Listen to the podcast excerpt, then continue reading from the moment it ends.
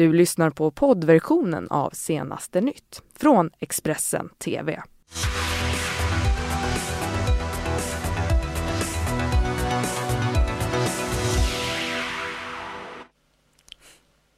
God morgon och hjärtligt välkomna hit till Senaste nytt denna söndag den 3 mars. Jag heter Ylva Johansson och det här är morgonens rubriker. Populära energidrycken Nocco säljs på gym men enligt läkare så kan den vara skadlig. Socialdemokraterna i Göteborg håller extrainsatt kongress. Nu ska det avgöras om Ann-Sofie Hermansson får sitta kvar på posten. USA och Sydkorea upphör med sina stora årliga militärövningar. Ja, men vi ska börja den här sändningen i Västerås där en man i 25-årsåldern förts till sjukhus efter ett misstänkt mordförsök. Det här är någonting som VLT rapporterar om här på morgonen idag. Mannen säger att han attackerades på ett hotell vid Västerås flygplats av totalt åtta personer. Och de här personerna ska enligt mannen ha slagit honom i huvudet med en stekpanna och en flaska. Sen ska mannen också ha blivit knivhuggen i ryggen. Det här uppger polisen för VLT. Och händelsen utreds utreds nu som försök till mord alternativt grov misshandel.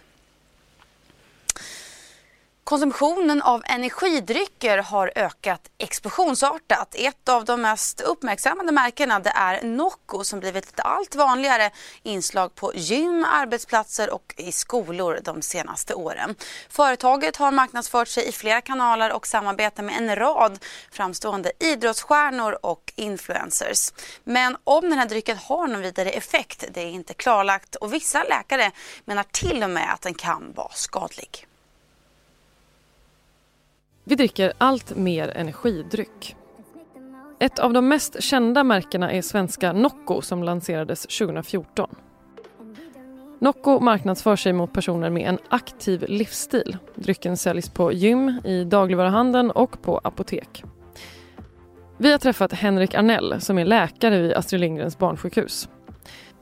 Jag tror att placeboeffekten inte ska underskattas. Det vill säga man känner sig som man återhämtar sig snabbare. Eh, I praktiken tror jag att vanlig energidryck inte betyder så mycket annat än att eh, man får dyr urin. Men vad händer med kroppen när man dricker energidryck? Ja, vi bestämde oss för att testa det här under kontrollerade former. Våra testpersoner Helena och Joel har gått utan koffein i en vecka för att komma så nära en ung persons ovana vid koffein som möjligt. De ska nu dricka den rekommenderade maxdosen Nocco, två burkar, under övervakning av läkare och sjuksköterskor. Vad tror du kommer hända? Ingenting. Men det var obehagligt att, eh, att inte kunna kontrollera sin egen kropp när det kom till att eh, jag försökte andas lugnt och slappna av men eh, pulsen och blodtrycket gick upp ändå. Du fick ju skakningar också. Mm, ja precis, händerna började skaka ganska snabbt. Det var också lite obehagligt. Testresultatet då? Mm, pulsen på både Helena och Joel gick upp i den första mätningen för att sen plana ut lite olika snabbt hos båda två. Blodtrycket steg också för de båda, framför allt under de första mätningarna.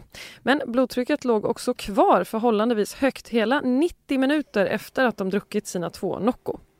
Helenas blodtryck var det som höll sig högst under längst tid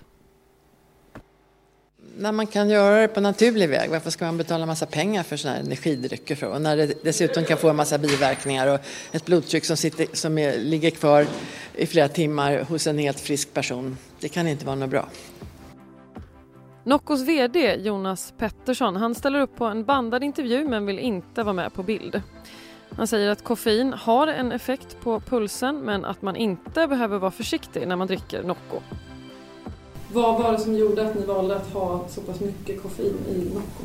Vi tycker inte att det är mycket koffein i Nocco.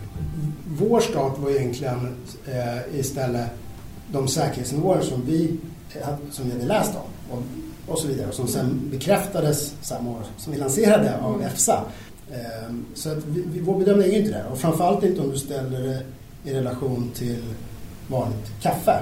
Vi, vi hög bara i relation till Red Bull. De, de läkarna som säger då så här, nej men det är inte nödvändigt överhuvudtaget. Det ger ingen extra effekt för din träning, du, det, du får bara dyrt eh, kiss. Mm. Vad vill du säga till dem? Det här innehåller det. Är det onödigt för vissa människor? Självklart, så är det med allting. Det var inte onödigt i en, en vanlig dryck. Men har en funktion. Fungerar det? Ja, det tror jag alla är överens om. Ja, och Noccos svar på den här kritiken kan du läsa på Expressen.se. Även de tidigare delarna i vår granskning av energidrycker.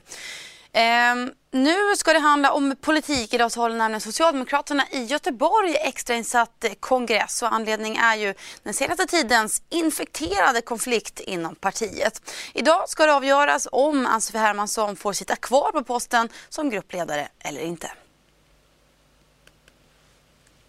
Om kritiken från Göteborgspolitikern Ann-Sofie Hermansson har den senaste tiden varit i blåsväder.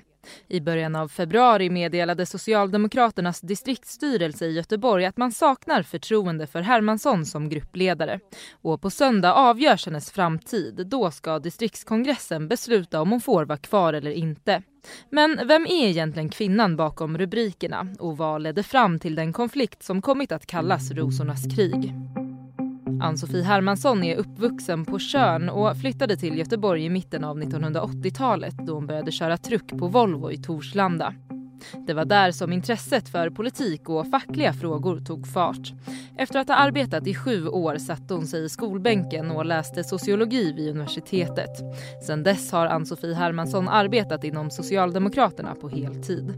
Hon har bland annat varit på regeringskansliet och LO i Stockholm. 2016 valdes Hermansson till gruppledare för Socialdemokraterna i Göteborg. Hennes uppdrag blev att vända de röda siffrorna men i valet 2018 fick partiet endast 20,47 procent av rösterna. Och Hermansson har av partikamrater anklagats för dålig arbetsmiljö och bristande kommunikation. Själv har hon antytt att partiet vill tysta hennes växande engagemang mot hedersvåld och extremism. Trots distriktsstyrelsens besked i februari om att man saknar förtroende så har Ann-Sofie Hermansson vägrat kliva tillbaka. Helt med på att, vi, att jag tar frågan till en distriktsårskongress. Inga problem. Det är där så ser spelets regler ut. Där ska man bli, ja, men det kan vara valresultat eller, eller förhandlingsresultat eller allt möjligt. Eller att man i övrigt behöver byta gruppledare. Det är inga konstigheter. Men jag vill att det sker på det ordnade viset i så fall. Det avgörande beslutet om Ann-Sofie Hermanssons framtid kommer alltså tas av distriktskongressen på söndag.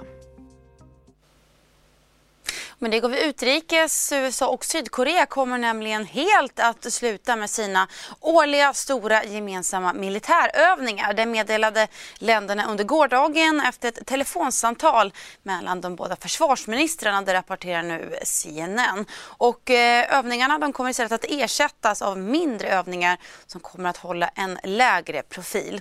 CNN skriver också att de här stora eh, ursäkta mig, eh, årliga övningarna har provocerat Nordkorea och gjort relationen mellan länderna mer spänd. Och eh, nyheten om att man alltså slutar med de här stora övningarna kommer ju bara dagar efter att USAs president Donald Trump träffade Nordkoreas eh, diktator Kim Jong-Un i Vietnam. Det här mötet som ju avbröts i förtid eh, efter att länderna inte lyckats nå en överenskommelse.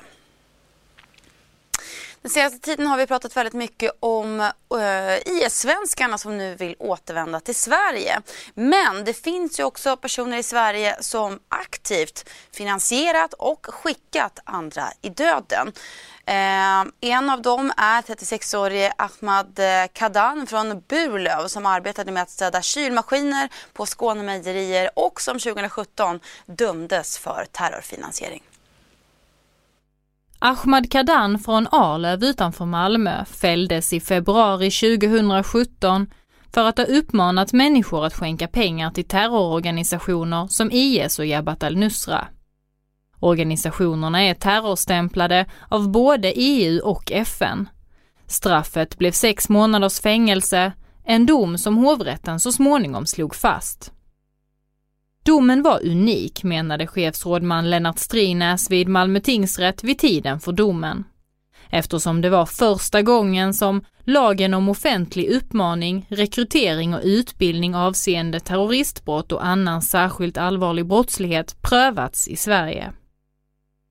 Ahmad Kadan som är svensk medborgare, bosatt i Arlöv och arbetade med att städa kylar på Skånemejerier, gick enligt domen ut på Facebook med påhittat namn och uppmanade människor att skänka pengar. Inläggen publicerades mellan oktober 2014 och mars 2015. Pengarna skulle enligt tingsrätten gå till vapen via två kända terrorfinansiärer. Vid husrannsakan hittade Säpo bilder från Syrien på Ahmad Kadan, där han bar uniformsliknande klädsel och vapen. Kadan uppgav själv att bilden tagits efter att han lånat utrustning av en soldat. Han menar själv att han är mycket negativt inställd till terrorism och att han ideellt samlat in pengar till nödlidande och för att motverka terrorverksamhet. 2016 upptaxerade Skatteverket drygt 20 personer i Malmö och över 100 personer i hela landet efter Säpo-misstankar om finansiering av terror, bland annat till Islamiska staten. Svenska myndigheter misstänkte att upp till 10 miljoner kronor lämnade landet årligen för att hamna hos utländska terrororganisationer. Men exakt var pengarna hamnade gick sällan att bevisa och därför var det svårt att döma personer för just terrorfinansiering. Då valde Säpo en annan taktik för att komma åt de misstänkta insamlarna. De dömdes för andra brott. Målet mot 35-åringen från Burlöv, som direkt gällde finansiering av terror, var därför det första i sitt slag i Sverige sen finansiering, rekrytering och utbildning av terrorism kriminaliserades 2010. Ja, ska vi avsluta med lite väder här i senaste nytt. Det kraftiga väderomslaget under natten har, eh, eller kan nämligen ställa till det lite för Vasaloppsåkarna idag. Eh, bara några timmar eh, här eh, under natten så har vädret slagit om från klart till ymnigt snöfall, vilket kan skapa en del utmaningar i spåret. Det spås bli en hel del snö och motvind för de som ska åka idag. Och snö, det väntas ju på, även på fler håll i landet landet. SMHI har ju utfärdat klass 1-varningar för snöfall i flera områden i Svealand och i södra Norrland där uppemot en decimeter snö väntas komma under eh, det närmsta dygnet här. Ja, mer väder och andra nyheter hittar ni precis som vanligt på Expressen.se. Du har lyssnat på poddversionen av Senaste nytt från Expressen TV. Ansvarig utgivare är Thomas Mattsson. Ett poddtips från Podplay. I podden Något Kaiko garanterar östgötarna Brutti och jag, Davva, dig en stor dos skratt. Där följer jag pladask för köttätandet igen. Man är lite som en jävla vampyr. Man har fått lite blodsmak och då måste man ha mer. Udda spaningar, fängslande anekdoter och en och annan arg rant. Jag måste ha mitt kaffe på morgonen för annars är jag ingen trevlig människa. Då är du ingen trevlig människa, punkt. Något kajko, hör du på Podplay. Därför är gardinerna.